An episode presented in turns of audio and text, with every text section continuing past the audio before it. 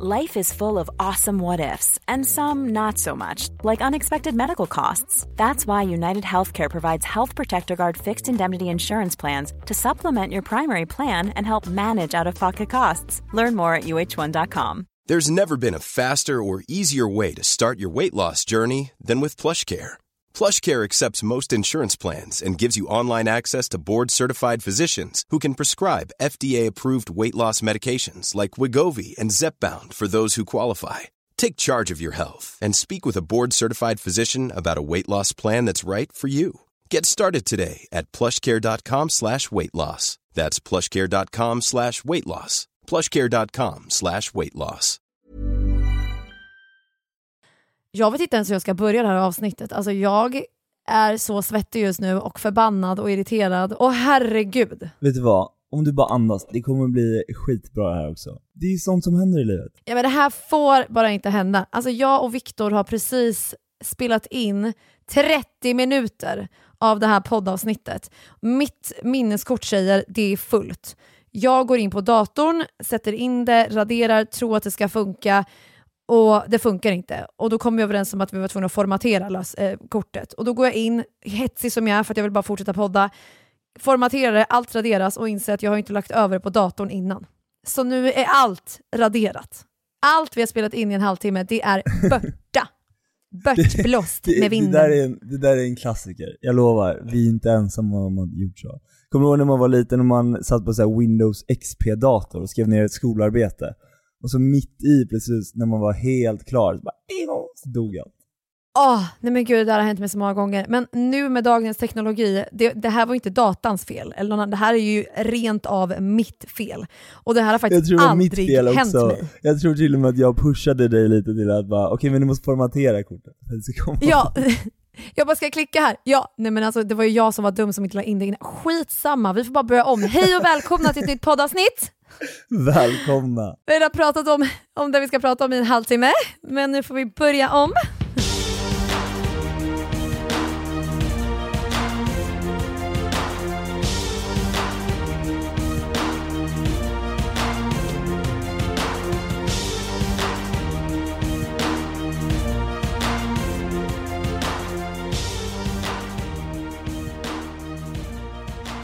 Ja, men vi är så himla glada att vi får göra den här podden tillsammans med er och tillsammans med dig Jossan. Och vi är sponsrade av våra kompisar på Happy Flops. Det är alltså sommarens perfekta outfit-detalj. Ett par tofflor som finns i exakt alla färger. Och Happy Flops är ju inte bara kända för sin otroliga komfort utan de är ju kända för sina otroliga färger. Jag tycker generellt att man klär sig lite för mycket i svart och vitt, i alla fall jag. Jag tror att många kan hålla med mig där, eller hur Viktor? Du också kanske? Ja, 100% men det jag märkte var nu när vi hade de här ute på landet hos mamma och pappa bland annat, Mm. eh, och framförallt också när jag varit ute och gått med Bobo, det är så att de är så sköna att ta på sig. Det är så här, du behöver inte snöra på dig skor utan det är så här, tofflor är alltid väldigt sköna att bara ta på sig. Det funkar liksom till vad som helst. Jag håller verkligen med dig med det här med just hundarna. Alltså jag tycker det är så jäkla smidigt att bara stoppa in fötterna, ut med dem, speciellt morgon och kvällskissen för det är det värsta jag vet. Jag tycker på något sätt att just de tofflorna på riktigt är sjukt snygga. Jag provade tillsammans med ett par vita höga strumpor också. Eh, och man kan ju verkligen matcha det till ascoola outfits. Det är det här tänker jag att jag ska visa senare också. Men eh, jag är så glad för Happy Flops och att de vill vara en del av våran podd. Jag också, så tusen tack till våra partners på Happy Flops och ehm, nu rullar vi, nu kör vi. Och så hoppas vi att podden inte blir en flopp. nu kör vi.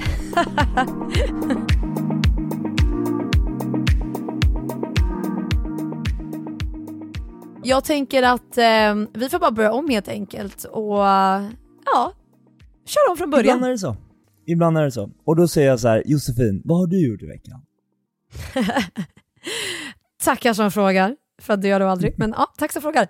Jag har, nej men du den här challengen som vi pratade om förra, förra veckan, Ja den har ju gått så bra. Alltså jag har ju ställt klockan på sju, sen så har jag inte gått upp klockan sju, jag har snosat lite grann, men jag har ställt den tidigt och verkligen du vet, tagit en kalldusch, mediterat, jag har ätit frukost, jag har tagit ut mina hundar på en lite längre powerwalk.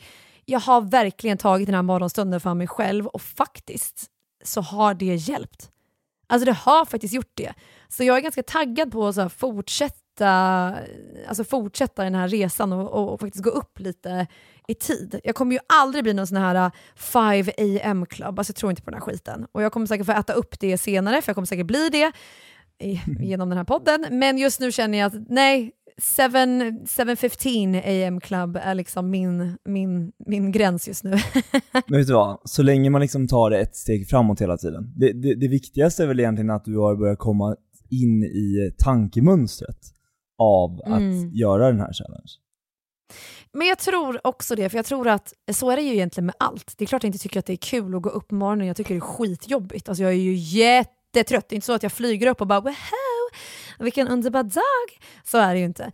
Men jag tror att man behöver ett par veckor att liksom vänja sig vid att gå upp så tidigt. Och det är ganska mysigt att gå upp vid solnedgången. Jag typ uppskattar det lite. What? Rättelse, Jossan menar ju såklart här soluppgången. Så som du säger, jag tror bara det här måste typ bli en inlärt liksom system. Alltså förstår vad jag menar? Det är en inlärningsgrej typ så här, som jag måste fortsätta med så kommer det bli superbra. Men det känns bra i alla fall. Hur har det gått för dig?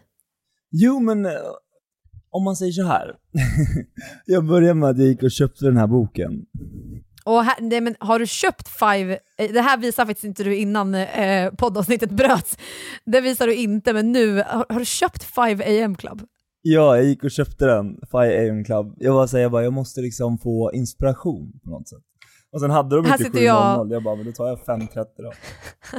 här sitter jag och dissade uh. och du liksom har gått och köpt boken, förlåt.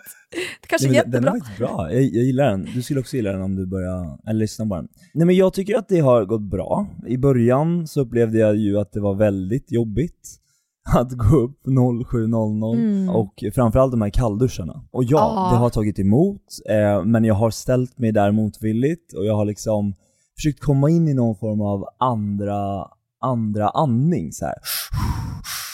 Kanske inte ja. andra andningen men den här Wim Hof-metoden använder just det för att kunna lugna liksom, inte nerverna, men kunna lugna, jo, kanske lugna nerverna och lugna sig själv. Samtidigt som du ska kunna stå i iskallt vatten. Hi, I'm Wim Hof, the Iceman, as the, the way they call me. För de som inte vet om den metoden, kan du inte förklara vad det är för någonting? I want to get everything out of life. And I did. I found out we can do a lot more than we think. And now I have come up with a natural method, the Wim Hof method, showing that we are able to go deeply within the autonomic nervous system, much deeper than as thought possible, even scientifically. Jo men Wim Hof-metoden handlar ju framförallt om en andningsmetod för att kunna ta sig igenom exempelvis att ta en kalldusch i två minuter. Eller att kunna göra saker i extrem kyla. Det är ungefär vad jag har förstått det som i alla fall. Det finns säkert en drös andra saker som är jättebra med just Wim Hof-metoden. Eh, och att lära sig att andas då framförallt. Eh, men det jag upplevde var att det tar tid att komma in i det, men när du väl när du väl jobbat väldigt mycket med att liksom förstå vad som händer i kroppen samtidigt så är det som att du kan börja acceptera att det är en väldigt jobbig känsla. Det som är det jobbigaste just nu tror jag, det är att det är så sjukt tidigt på morgonen. Mm. Det är ju inte jättetidigt egentligen, men det är ju Jo, det är ganska tidigt. Alltså jag skulle precis säga att sju är ju inte egentligen jättetidigt. Jag tror det är du och jag som är bortskämda. Folk går ju upp liksom fem det. för att de börjar klockan sju.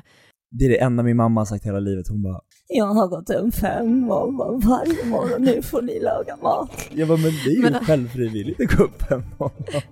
Men alltså har du sett, så där är ju alltid föräldrar med allt. Har du ja, sett de här TikTok-videosarna? När det, typ- ja, jag vet inte vad det heter. Och de är så här, det är någon kille som så här, hur mina föräldrar berättar för mig hur de tog sig till skolan och han typ så här, rullar i lera, du vet, så här, det är liksom storm, han typ seglar över havet i storm och du vet, så här, det är så jävla roligt för att det är så on point. jag älskar det och det är så varje gång så, är det så här, man försöker få lite sympati. Men det som faktiskt är kul med hela den här grejen, det var att ibland kan ju mamma få för sig sjuka grejer när vi var små. Så såhär, någon, någon gång så hon bara såhär, 5.30 bara Var har ni lagt vattkannan? Tommy, Matilda, Viktor, var är vattkannan? Jag bara, vad fan ska du med vattkannan? På morgonen. Och sen, 5.30 och, liksom. och sen, men det där är ju bara för att hon vill väcka er. Så där är mina föräldrar också. Du vet de typ vill inte gå upp och typ så här knacka och bara vakna utan istället så typ så här slår de med kastruller och, och plockar ur diskmaskinen klockan liksom sju på morgonen och bara lägger besticken liksom helt hetsigt så man vaknar ju liksom av det. Herregud. Nej, alltså, alltså, våra föräldrar, föräldrar, är absolut det älskar dem. Och det är väl de som Verkligen. också har gjort att vi har fått sova ut kanske. Exakt. Jag håller verkligen med dig om den här kallduschen dock. Som det låter dock på dig, jag tror verkligen att du tar en dusch. Det jag gör, jag liksom sätter ju på vattnet, springer in, snabbduschar liksom tre sekunder. Jag är liksom så här, "Ah, ah, ah", så här och sen så går jag ut. Du liksom kör det mer kontrollerat eh, verkar det som. Och faktiskt så pratade jag med en kille om det här som är väldigt duktig på sånt här och han var verkligen så här kalldusch är så jäkla bra. För jag har liksom inte Ja. riktigt fattat att det är så bra.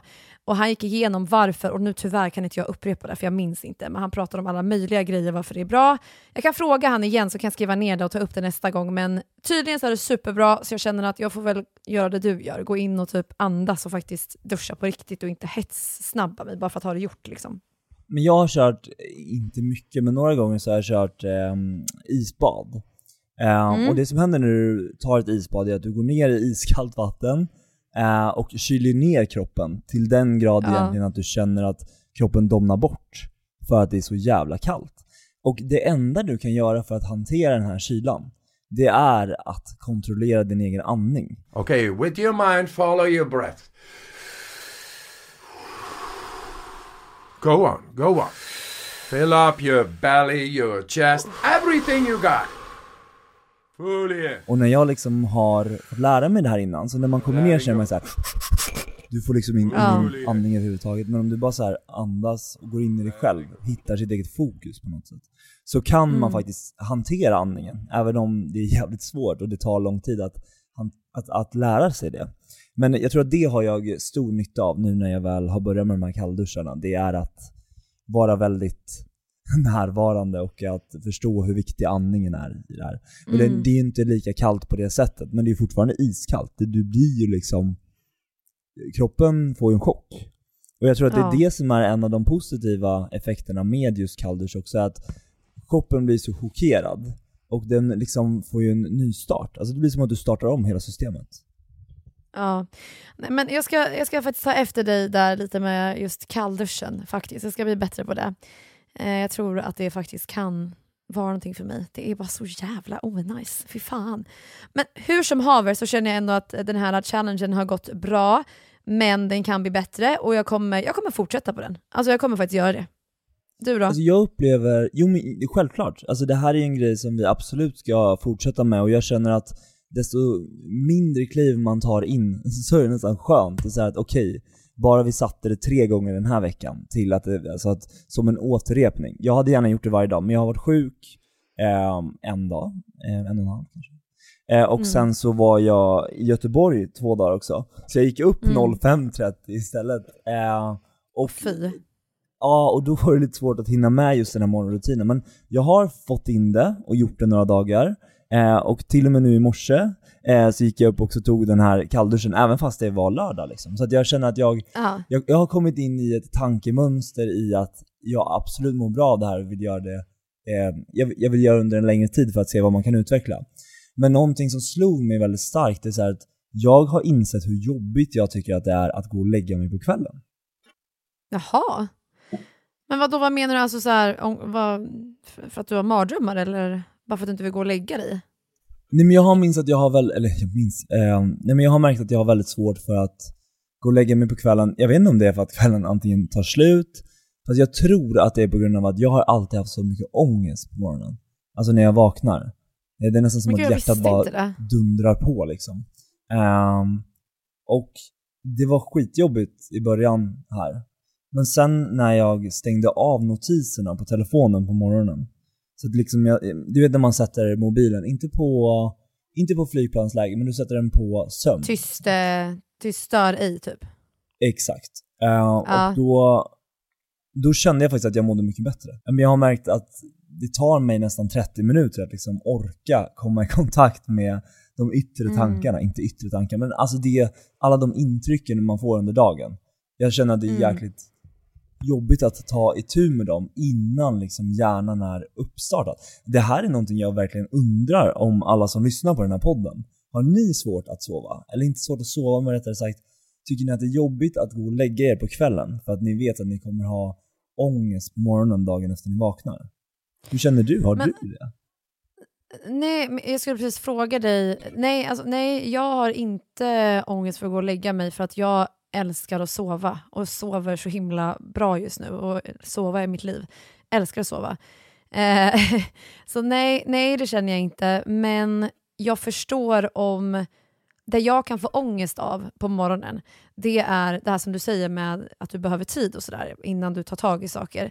Där kan jag känna att om jag vaknar upp på morgonen och direkt kolla på min mobil, vilket jag har gjort även nu fast jag liksom har haft min morgonrutin och liksom så här, men jag har inte scrollat. Jag har bara kollat på den och så här, okej, är det någonting som jag eh, verkligen måste svara på?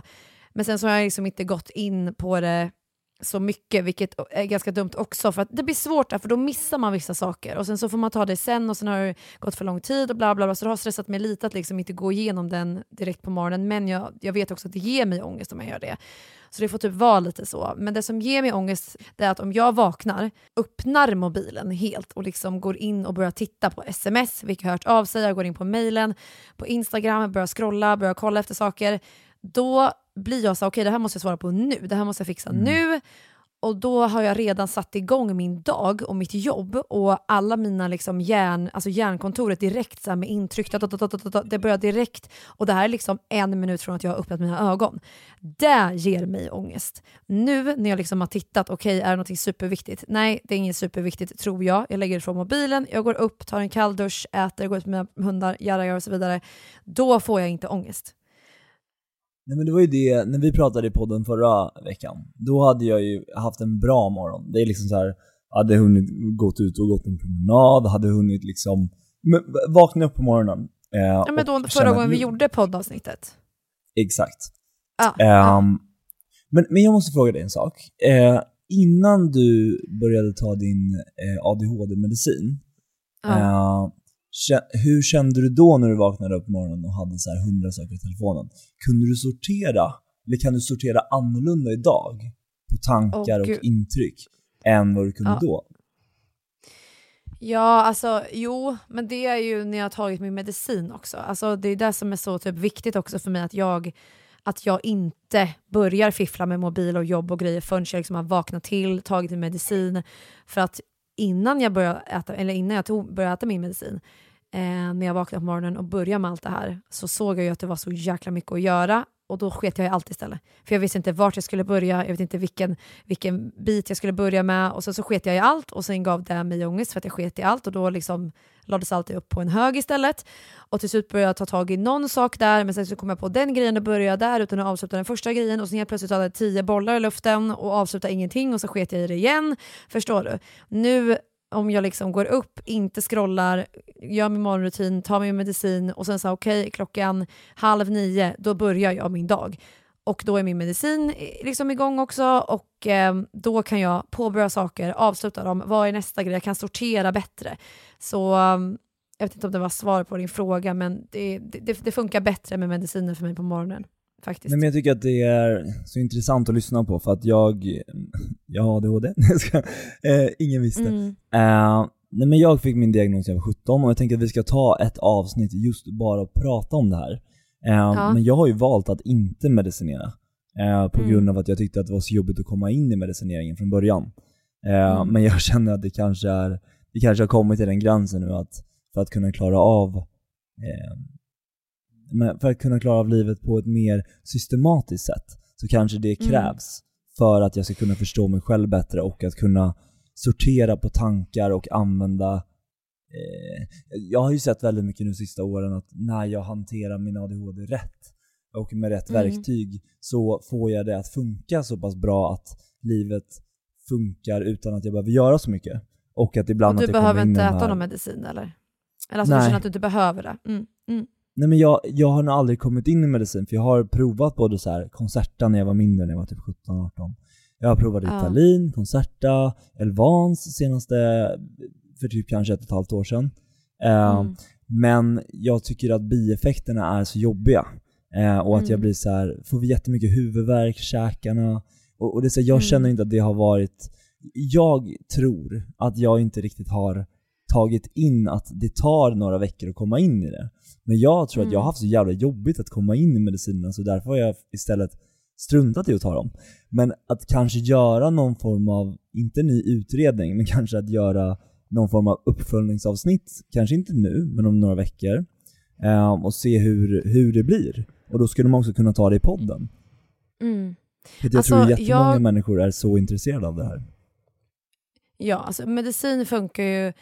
Alltså, det är jättemånga som är intresserade av det här. Jag har fått jättemycket frågor faktiskt. Ehm, både, jag har sett på vår gemensamma Instagram, eh, Frisk och Kvist, men jag har också sett på min egna, där folk frågar typ, så här, kan inte ni berätta om ADHD och hur Mm. ni fick diagnosen och hur det har påverkat er och medicinering och allt det här. Och det kan vi absolut göra i nästa avsnitt. Det kan vi göra. Ska vi göra det i nästa avsnitt? Och då Ja, kan vi ju det. även... ehm, nu ska ju inte jag sitta här och bara, jo, du borde testa medicinen, för att jag vet inte hur, ja, hur du blir påverkad av den och så vidare, men jag tycker absolut du ska prata med din, med din läkare och kanske rådfråga hur jag ska göra. Och när du har gjort det och det känns bra för dig och ni har kommit fram till någonting vettigt, då pratar vi om det i podden och sen så får du testa det och ja, men, berätta om, om den, liksom, vad säger man, den resan och den utvecklingen.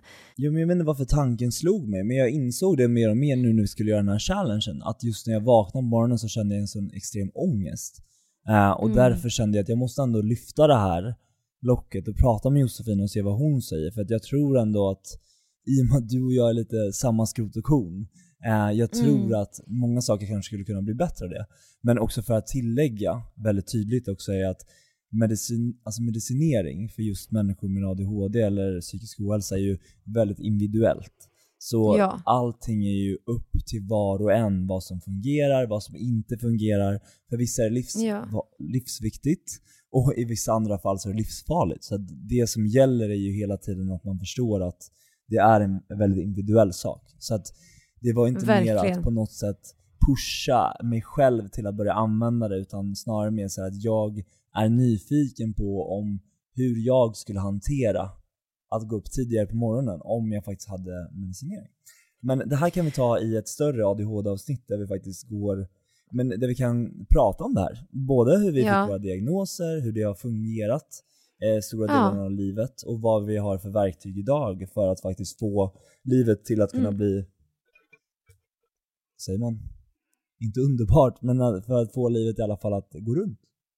Ja, men jag tycker det är jättebra. Det gör, det gör jag jättegärna. Och eh, som jag sa, det kan vi redan göra i nästa avsnitt så att vi liksom faktiskt tar tag i det och berättar det. Och sen i framtiden så vill ju vi ta in läkare som kan prata om vad faktiskt som händer i hjärnan och när man även medicer- medicineras. Gud, ja. Så um, det tycker jag är jätte, jätteintressant. Men jag, jag har en fråga. När du får ångest på morgonen, är det innan du öppnar mobilen? Alltså vaknar du av hjärtklappning eller kommer det när du liksom scrollar direkt på mobilen och då sätter det igång? Är det liksom det första som händer? Jag vaknar ofta av att jag bara undrar, att världen känns lite omskakad. När jag går och lägger mig så känner jag att jag har koll på läget. Det är så här, jag har koll Mm. på vad jag ska göra dagen efter. Eh, jag vet att kläderna hänger där de ska hänga, oftast. Eh, jag vet vad jag ska göra. Jag, jag har en, ändå en bra känsla i kroppen, oftast när jag går och lägger mig. Men jag, vak jag har vaknat så många gånger de senaste åren av att jag har panik och tycker att det är att jag, det är som att jag är inlåst i mitt eget huvud och inte riktigt vet var jag ska börja. Eh, och det gör nog att jag tycker att det är jättejobbigt att gå och lägga mig för jag vet att när jag vaknar sen så kommer jag behöva gå igenom samma dust igen. Så jag, det är sjukt komplext och jag tror säkert Mm. att andra människor kanske inte alls kan känna igen sig i det jag säger. Eller så kan de göra det. Men jag tycker ändå att det är skönt att lyfta på, alltså att vi kan prata om det för då kanske man också skulle kunna ta in någon form av sömn, är det sömnpedagog eller sömnterapeut? eller? Ja, jag, jag skulle faktiskt precis säga det. Att vore det inte skitintressant att liksom ta in en, jag vet, jag vet faktiskt inte vad det heter, sömnpedagog, sömncoach, sömnterapeut, jag vet inte, men någon som kanske har lite mm, svar på det här och vet liksom, för nu sitter vi och pratar liksom i blindo, vi har ju ingen aning, vi vet ju bara hur vi känner. Så um, vi, vi kollar upp det Viktor, jag, tyck, jag tycker vi kollar upp det och så Men kanske vi kan ta med veta. en sån. Ja, jätteintressant. Men jag visste men det är faktiskt inte att du intressant. kände sådär. Jag visste inte Nej, men det. jag, tror, jag tror att jag har känt så eh, ganska mycket. Men det blev så mycket mer påtagligt nu när jag gjorde den här challenge att jag Mm. blev mycket mer uppmärksam och i och med att jag också har börjat skriva ner lite hur jag mår dag till dag för också att kunna prata om det sen i podden så tyckte jag att det var intressant att se ett samband. Ehm, och när man vaknar och mår bra och när man vaknar och inte mår bra. Men Det här är verkligen någonting jag vill fördjupa mig och någonting jag känner eh, kanske inte bara kan hjälpa mig själv utan an- även kan hjälpa andra människor som lyssnar på podden. Dels som kanske har väldigt mycket ångest på morgonen eller som tycker att det är svårt att liksom avsluta dagen. Inte avsluta dagen, men ni Ja. fattar vad jag menar. Ja, men liksom känna det här lugnet innan man ska gå och lägga sig. Eh, när vi ändå tar in någon sömnpedagog och sånt där, då hade det varit så jäkla intressant att typ prata om drömmar. För jag drömmer ju något så in i helskotta och jag drömmer så otroligt realistiska drömmar. Alltså du vet, jag kan ju vakna av att jag grinar och skrattar och allt möjligt. Alltså så många gånger mitt ex väck, väckte mig och bara “du gråter” och där ligger jag bara "Ah", helt förstörd liksom. Och sen nästa gång ligger jag och en väldigt skrattar. Liksom. emotionell människa. Det måste handla om Ja. Om man är väldigt kanske. öppen för energier och så, då tror jag kanske att man tar in väldigt mycket mer i drömmarna också. Alltså vissa drömmar är så realistiska så man bara, hur, hur Ja. kan det här ens, vad har jag tänkt för att komma in i det här? Ja, men jag tror ju verkligen att drömmar försöker säga oss någonting. Jag tror ju att det finns någonting större med drömmar än vad vi faktiskt säger och tror och tänker. Det nu vet inte jag exakt hur forskningen ser ut kring drömmar. Jag får väl googla lite efter det här. Men jag tror att drömmar har en enorm betydelse liksom, för oss. Ehm, så det vore ju jättekul att prata om också om vi ändå ska ta in någon och prata om eh, sömn och sömnproblem och varför man känner som man gör och sover som man gör. Så eh, För det är oftast, superintressant faktiskt.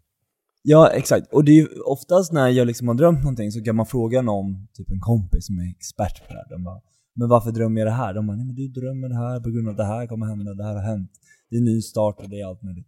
Eh, Jag tycker att det är väldigt intressant och jag skulle vilja få en lite mer realistisk Mm. bild av det också. Vad, vad drömmar kommer.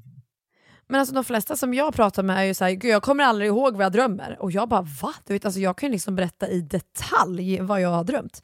Alltså så här, verkligen, och hur det fick mig att känna. Alltså, så här, jag kan ju liksom, och det, det värsta som finns det är ju också människor som berättar om sina drömmar. Alltså egentligen, det här är ju ganska ganska onajs. Alltså jag skiter väl fullständigt i vad du har drömt egentligen. Det är så här, du ligger och sover och tänker på massa grejer som inte har hänt och det är liksom ingenting som är realistiskt säger folk och så vidare och så vidare. Och det är ingenting som ger mig någonting egentligen, så egentligen så är man inte så intresserad av folks drömmar. Men jag typ tror att folk är intresserade av mina drömmar. Så när jag sitter och berättar om du vet, jag har värsta inlevelsen, jag bara åh herregud, sen hände det här, som att det liksom har hänt på riktigt. typ. Och de vill väl inte höra om mina trötta drömmar? Alltså vad fasiken. Jag får sluta. Det beror på vem det är. Är du med jag menar? Jag tror att jag kan tycka att det är ganska intressant om jag känner personen i fråga.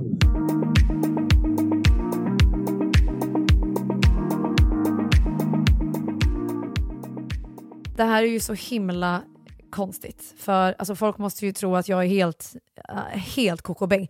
Att jag har tappat det. Alltså förra liksom, veckan så att jag och bara, jag har träffat någon men nu kommer vi inte ses mer för vi har bråkat. Eh, typ så. Och sen några dagar efter lägger jag upp liksom en video på oss, min första video på oss, även när vi står och pussas och kramas i skogen.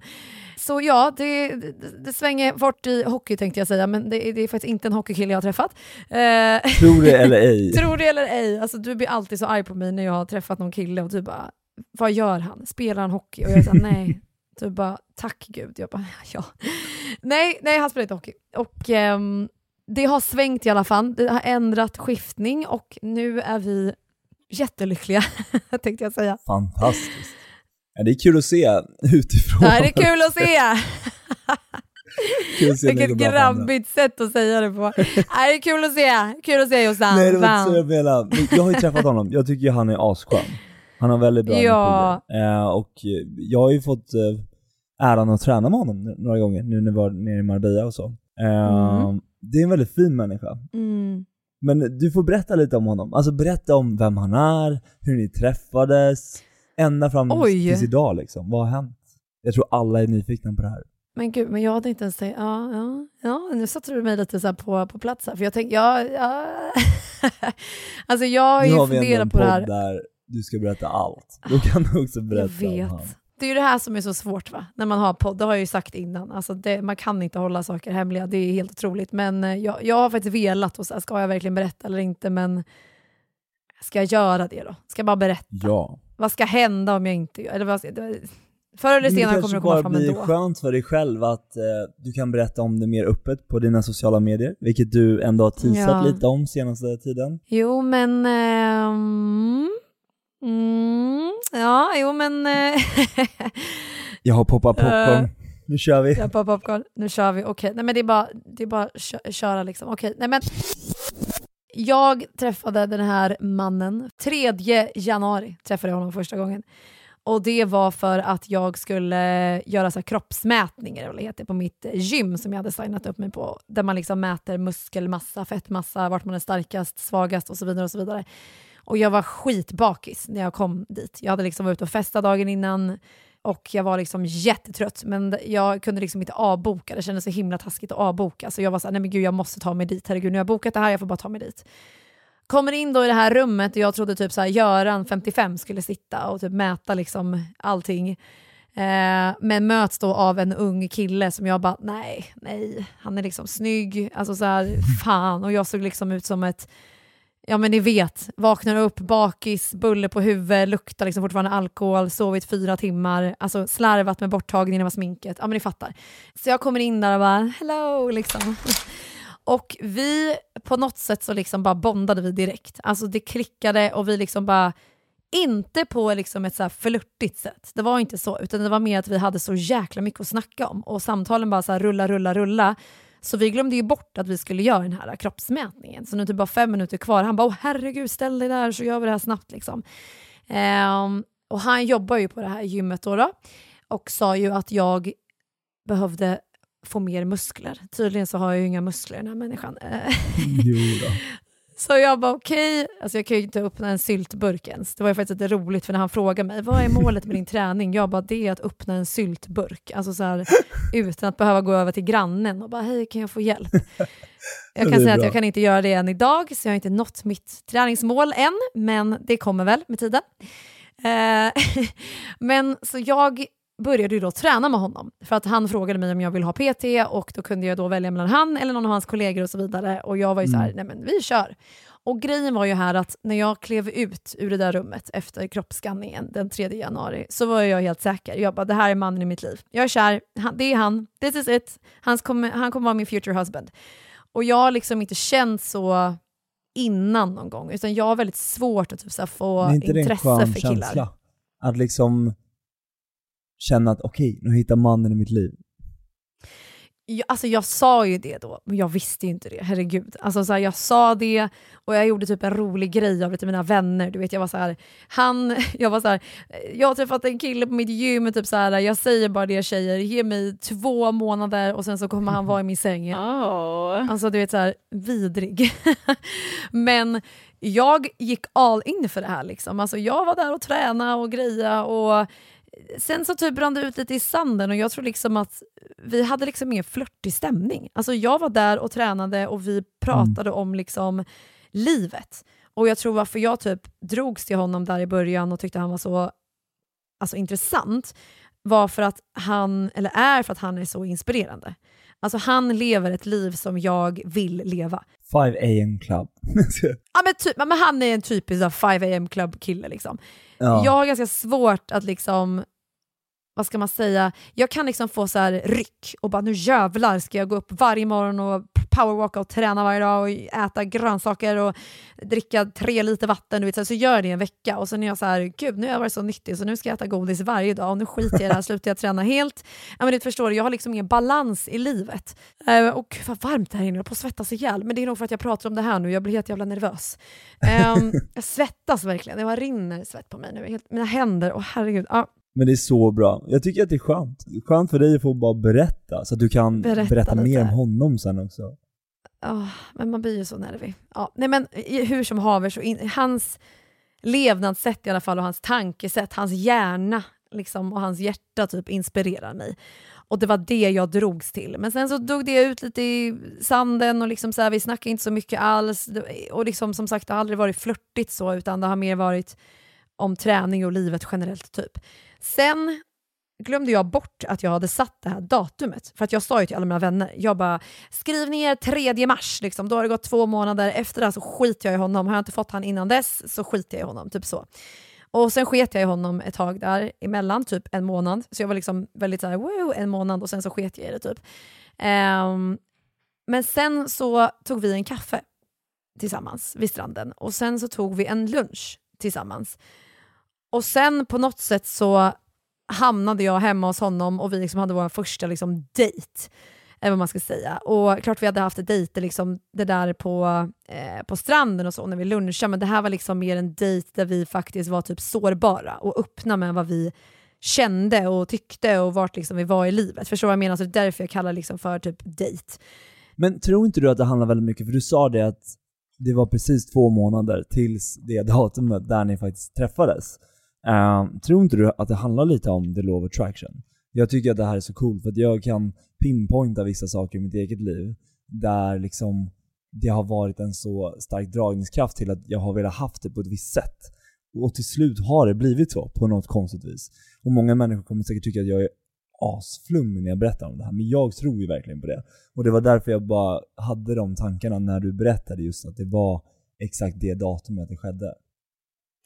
Nej men du har så rätt i det här. Som jag manifesterar den här killen, alltså, det är helt otroligt. Det här, alltså, jag har aldrig gjort så här innan. Det har aldrig hänt. Jag har aldrig varit intresserad av någon så här och liksom kämpat, typ. Alltså, aldrig. Och jag, som jag säger, som jag har manifesterat den här killen, du vet mina kompisar har liksom skrivit till mig efteråt och hört av sig och bara alltså, jag är sugen på en Ferrari, kan du manifestera det åt mig? För uppenbarligen så har ju du den här liksom kunskapen. Alltså, det är på den nivån.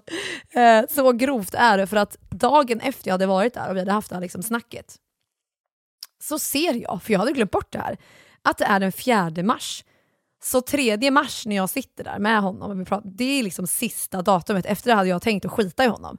Så det är så flummigt och folk får liksom tycka att jag också är flummig nu, det är fine. Men det, för mig så är det så sjukt och det är liksom som ett sånt himla typ stort tecken bara på allt. Verkligen. Men sen efter det så har vi liksom då börjat träffas. Ja, men det var mysigt, det var mysigt. Not gonna lie, det var mysigt. Men efter det så har vi liksom börjat träffas bara fram och tillbaka och eh, tränat ihop och liksom ja, men lärt känna varandra. Jag tycker ändå att du ska berätta om ett speciellt minne. Ja, och det är när han skulle bjuda ut dig. Och alltså det var det, det, det, det där är ju som en romantisk saga liksom. En drömprins bjuder upp sin prinsessa. Kan du inte berätta om det? Har du det smset kvar? Ja, ja det har jag. Det har jag. berätta. Till och med jag blir varm i kroppen. Åh, och jag, jag kommer inte läsa det för det är på engelska. Jag är inte riktigt redo för att visa er min briljanta engelska här i podden. Eh, det gjorde men, vi så bra eh, förra avsnittet. ja, jag var så international. Nej men jo, jag kan berätta. Jag vet ju precis vad jag menar. Det var ju, alltså så här. Han är bara så annorlunda mot typ andra killar jag har träffat. Vi ska prata mycket om det här i framtiden. Så här, feminin energi, maskulin energi, när man mm. är liksom wounded, maskulin, allt det här. Och han är så maskulin och låter mig, för er som är lite intresserade av det här, ni kommer förstå vad jag menar, men han låter mig få typ sit back och typ vara i min feminina energi. Och jag har aldrig varit det förut så det är en sån himla ny grej för mig. Och jag älskar hur han får mig liksom att känna och det han gjorde då var liksom bara så himla fint och speciellt. Eh, mm. Och han är sån, det var inte bara den gången, han har gjort så liksom hundra gånger nu efter. Men ja, det som hände, du var ju här Viktor då faktiskt och eh, det var ju när jag skulle iväg så ville han typ göra något speciellt för mig så han skickade ett sms till mig och bara, för du skulle åka hem den dagen. Ja, och han var så här, sista dagen.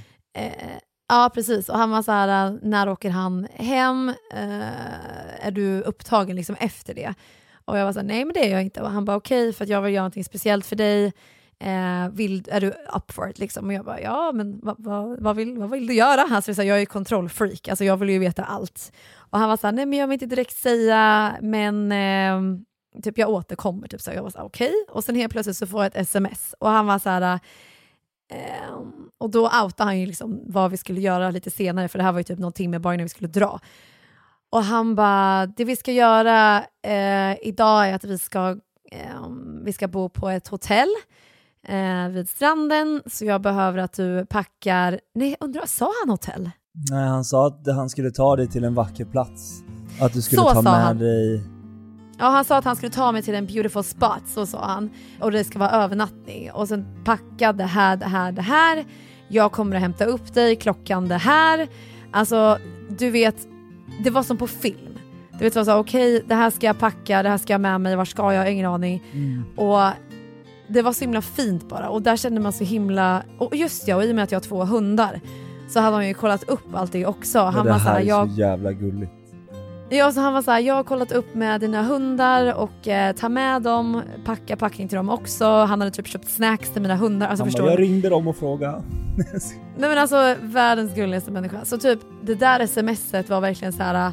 wow. Alltså han har liksom planerat en hel grej för oss och du vet så här, skriver det här smset, kommer hit, hämtar mig den tiden och sen åkte vi då till ett eh, hotell vid stranden och vi vi där och det var jätte, jättemysigt och nej men det var bara så fint och du vet han är sån där.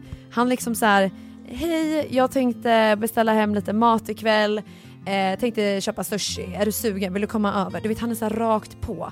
Ingen så här, är du hungrig? Ja, vad är du sugen på? Alltså så här, eh, vill du komma över eller inte? samtidigt. Alltså han, Ja, han förstår ju dig och han får ju dig till att slappna av. Och känna Ja. att du inte behöver ta tag i allting utan snarare så här att det är han som är mannen i förhållandet. Ja, Men känner inte du att du har fått känna så i något annat förhållande du har varit i? nej gud nej. Alltså jag har gjort allt. Jag har planerat, jag har bokat, jag är den här, ska vi göra det här, ska vi göra det där?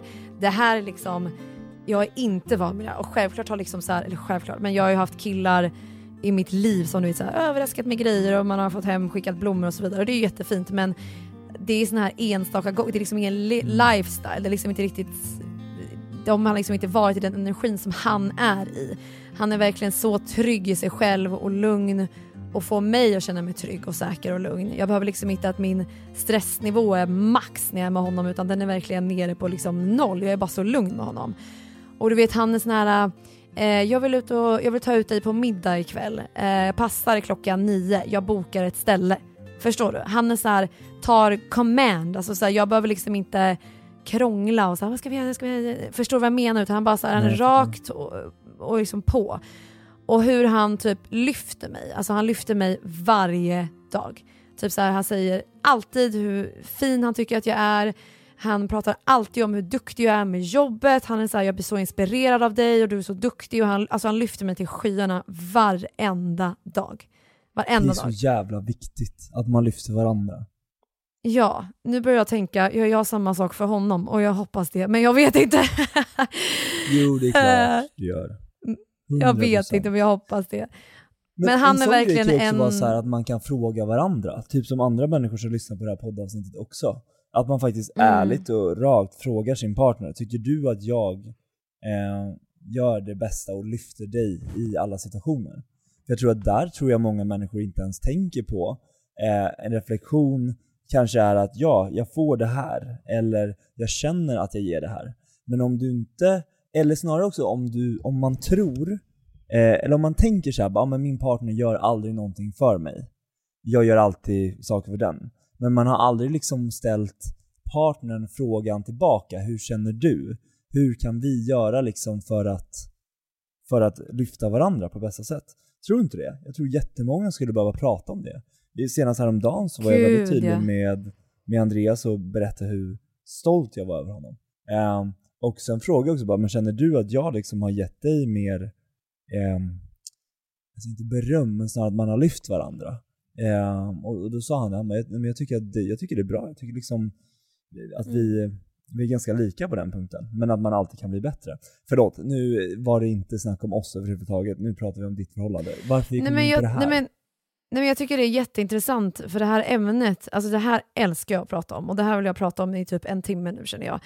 Ehm, jag tror att kommunikation är A och O, eller jag vet att det är det.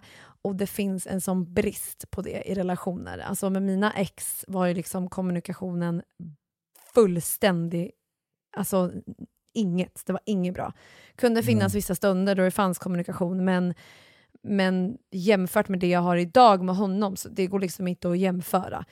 Eh, och som du säger, att fråga om saker och ting istället för att anta och gissa sig fram och vara tyst och låta den andra... Eh, man kan inte läsa hans tankar. För oftast så vill man ju typ inte prata om jobbiga grejer och hur man egentligen känner och visa vem man egentligen är för att man är rädd för att såra den andra.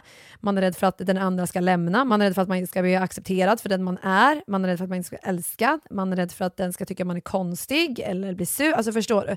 Man är så jävla rädd för så jävla mycket i relationer och mm det är just det som gör att det kraschar tror jag också.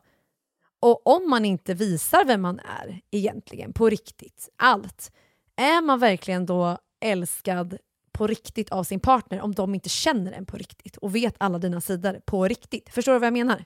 Ja men då, är då visar ju du inte vem du är och det skalet brukar ju oftast försvinna efter ett halvår. Alltså fyra, ja, ja ungefär.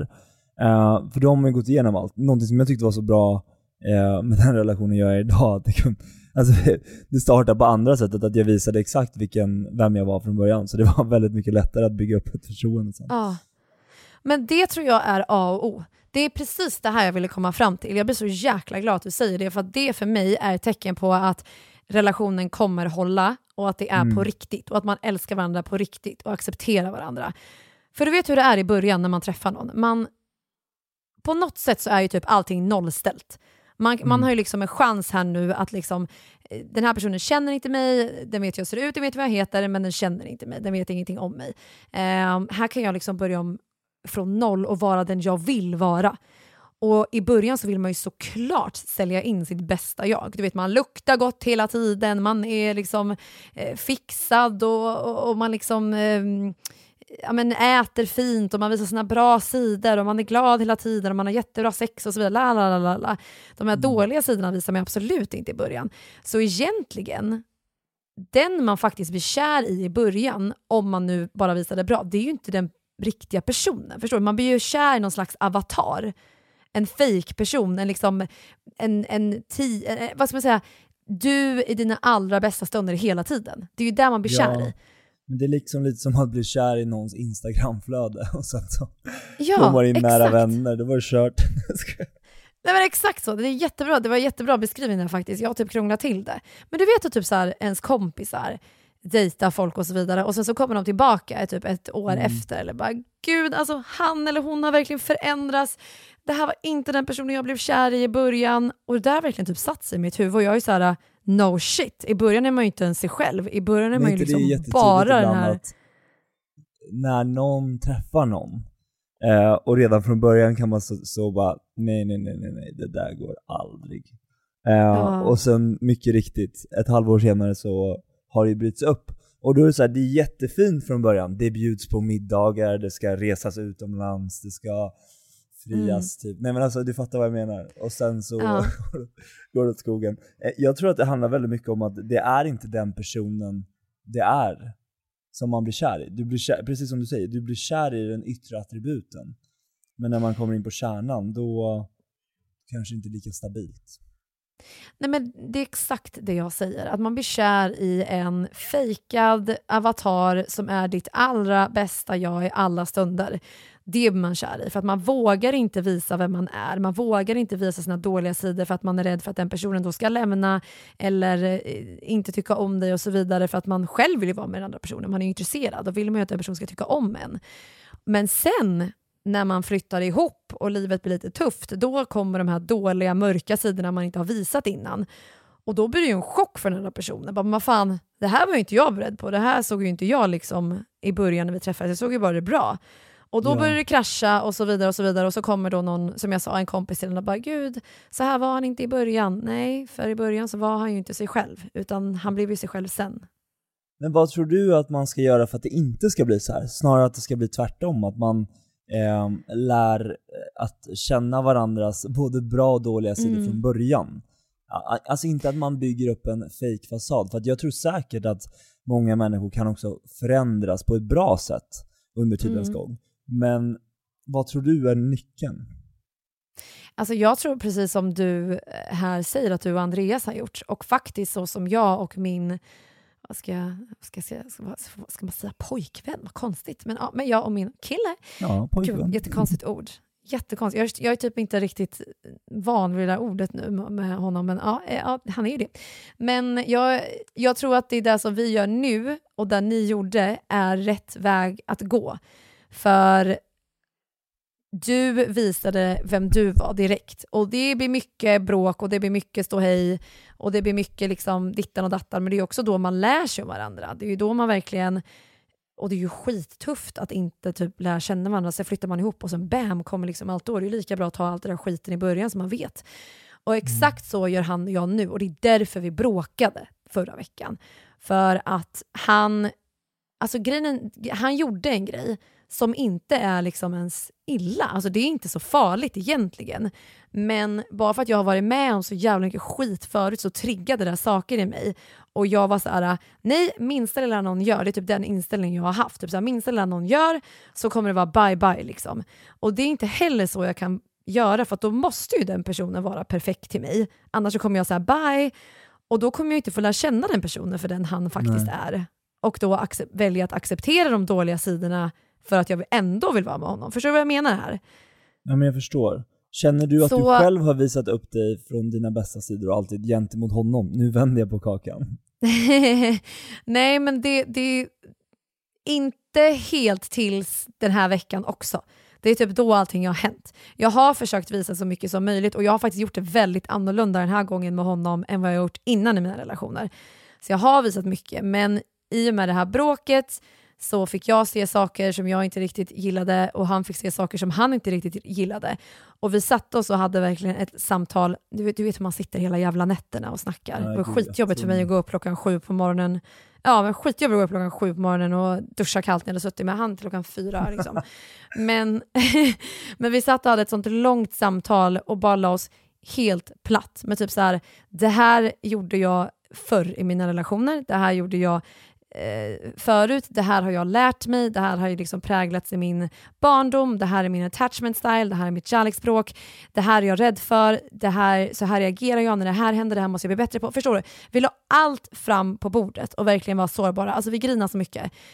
Och där och då så kände jag verkligen att shit vilken, vilket jävla band vi skapar här för att mm. vi är så sårbara. Och ju mer sårbar man är och faktiskt vågar alltså let go av den där kontrollen och garden, alltså, ju mer man gör det, desto starkare kan du bygga med den du är med. Och jag har inte fattat det innan, förrän typ nu. För att jag har aldrig typ släppt min guard, jag har aldrig typ tappat den här lilla kontrollen, jag har alltid velat kontrollera och så vidare. Och med han nu så känner jag äntligen att jag kan släppa på det lite. Men hela grejen med att du vågar ens ta upp hela situationen och att han vågar visa sig svag inför dig. Alltså bara att han vågar gråta inför dig tycker jag är så stort, mm. så fint. Det är så mm. mycket kärlek i hela den här grejen. Uh, och det är mm. därför jag tror också så att man behöver komma till den brytpunkten att man ifrågasätter varandra, att man verkligen tänker, är det verkligen den här människan jag ska vara tillsammans med? Och börja mm. tänka så här: okej okay, men det kanske ligger lika mycket hos mig som det ligger hos den andra personen. Um, Gud, ja. Att faktiskt få det här till att bli någonting fint. För det är ja. kanske jag som står här och förstör allting. Ja, Precis, och jag tror att de vanligaste sakerna i såna här relationer, jag tror att det är två grejer faktiskt. Den ena grejen tror jag är lite som vi pratade om förut, att när man äh, träffar någon ny eh, så vill man ju oftast liksom visa sitt rätta jag och man ljuger om saker, man underhåller vissa mm. saker, man drar några vita lögner här och där för att man tycker om personen. Man vill inte såra den, man vill inte förlora den, man vill inte riska att förlora och att den ska tycka att man har gjort fel och så vidare. och så vidare. Man vill vara perfekt typ, i deras ögon. Men det du gör då istället Men, är att du sårar personen ännu mer när du väl, när dina dåliga sidor kommer fram. Ja, när det kommer fram. Och det du också gör mot dig själv, det är att du liksom bygger upp här nu, lugn på lugn på lugn, vit lugn, vit lugn, vit lugn, undanhåller det där, det där, det där. Så du går runt med en, den där ryggsäcken den blir till slut ganska tung att bära mm. på, alltså själv. Och till slut så kommer du få ångest för att du vet att okej okay, jag har undanhållit det där, man är rädd för att personen ska få reda på det där.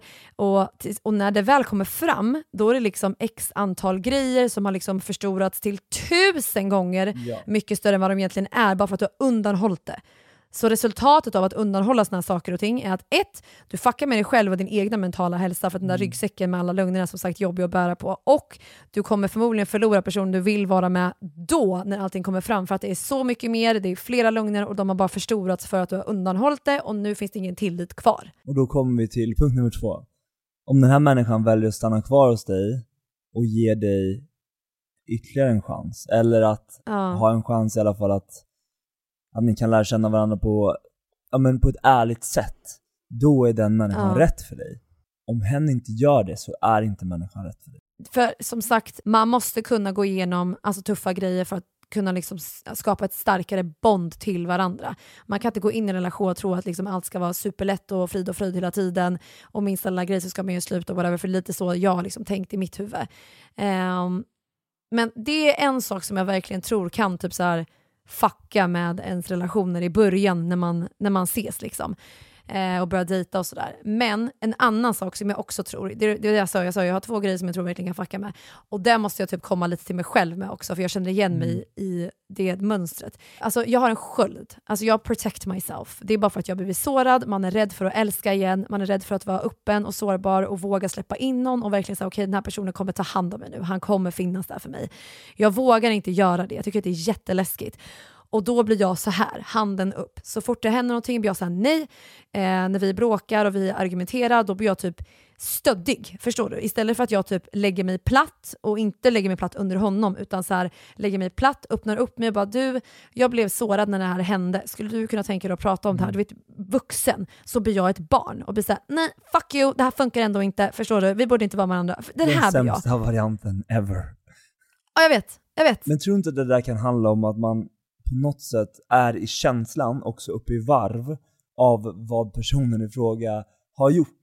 Så då blir Ja. man stöddig. Det, man vet egentligen med facit i hand att det som Mm. hade varit det bästa är att lägga sig platt, eh, att komma ner i... Eh, Komma man? ner i varv Men- typ. Men att komma ner i varv och att kunna prata på ett, på ett vuxet sätt.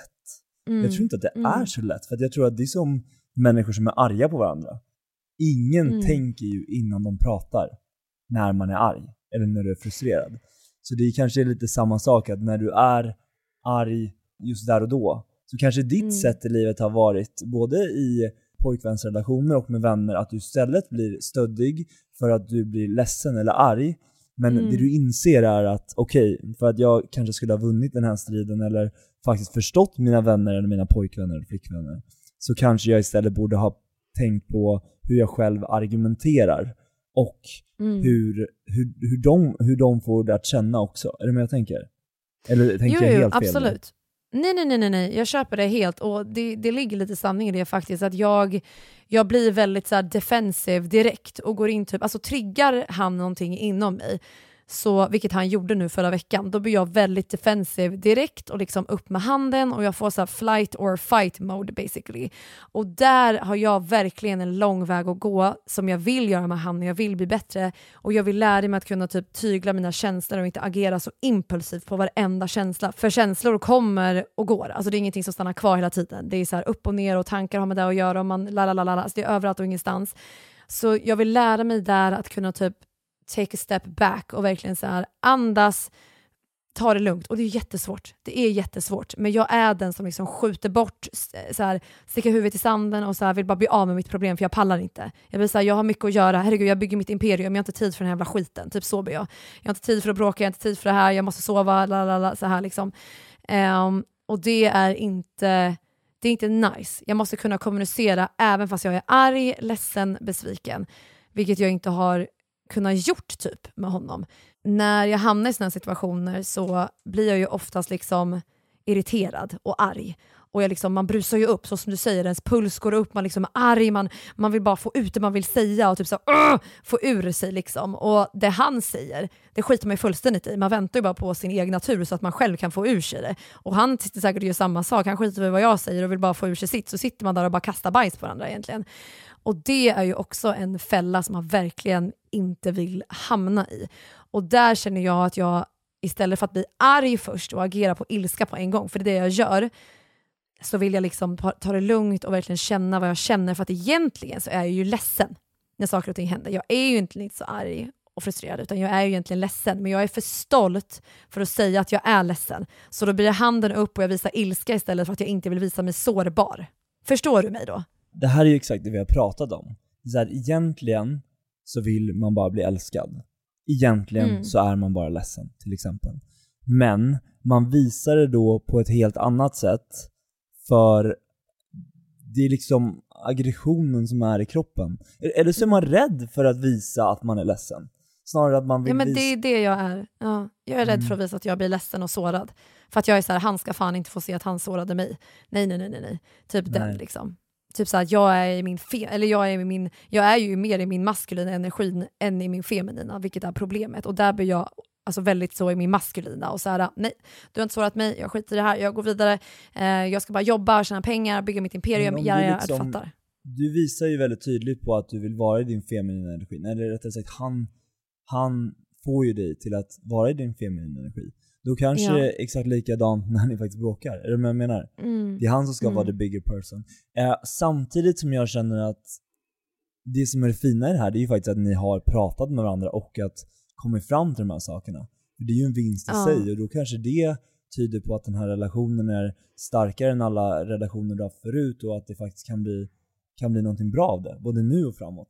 Sen har ju alla människor sina problem som de strugglar med. Det får man ju aldrig Mm. komma ifrån. Men bara att ni liksom har kunnat prata om det eh, och att kunna visa er sårbara för varandra, kanske att ta av Mm. er den där masken man tar på sig när man blir tillsammans. Mm. Det gäller Det- liksom att det- börja i rätt ände och det är kanske nu ni har gjort det. Du kanske liksom haft, Mm. det har varit teater fram tills nu. nu Ja men li, lite så, ja, alltså lite så kan jag faktiskt känna att det har varit och jag är bara så jävla typ glad över det här samtalet vi har haft, den, eller det här samtalet vi hade när vi gick igenom allting för att det var verkligen så här: okej nu lägger vi fram allt och sen tar vi ett beslut här. Är jag villig att vara med den här personen trots det här eller är jag inte villig? Och då är det ju bara att tuta och köra, så här får man ju ta ett beslut. Antingen så får jag ju lita på honom och bara fortsätta med det här eller så väljer jag att inte lita på honom och då får jag gå vidare. Jag kan inte fortsätta vara med honom och sen dra upp gamla grejer och åh det här har jag varit med om för det är liksom, det, så funkar det inte. Och samma sak med han, han liksom måste också stryka ett streck över saker och ting och se ta ett beslut, kan han leva med mina problem och det jag gör? Liksom? Och så är ju relationer. Skitsamma, nu har det här blivit liksom en, en timme av Josefins relationsproblem och du har varit min psykolog. Tack så hemskt mycket. Men jag tycker att det är jätteskönt, Ehm. du vet, det är så lätt att lösa andra problem, svårare att lösa sina egna. Ja, men ver verkligen, alltså verkligen. Men hur känner Men du nu när vi liksom har pratat om det här? Känns det bra? Känner du så här att ja, men vi kan prata mer om det här nästa gång? Men ändå att du har fått prata till punkt. Det är det viktigaste. Ja, jag känner mig helt svettig jag faktiskt, för att jag blir så himla nervös att jag typ outar min relation här och jag outar honom och jag outar mig. Men jag tycker att det här är så jäkla intressant att prata om och viktigt och jag hoppas att det kan typ vara en hjälp till andra. Och jag tycker det är så kul att prata med dig om det här också för att du vet, du fattar liksom. Ehm, men det känns ändå bra. Det känns bra. Jag är lite svettig, lite nervös, men eh, vi kan ju alltid redigera. men det, Nej, det det känns bra. Det känns jättebra och ehm, jag ska faktiskt iväg och träffa honom. Vi ska gå ta en liten strandpromenad så det ska bli mysigt. Ja, nej, men det känns bra. Men du får hälsa bra. honom, Galvan. Det ska jag göra. Han tycker jättemycket om dig. Han pratar alltid om dig.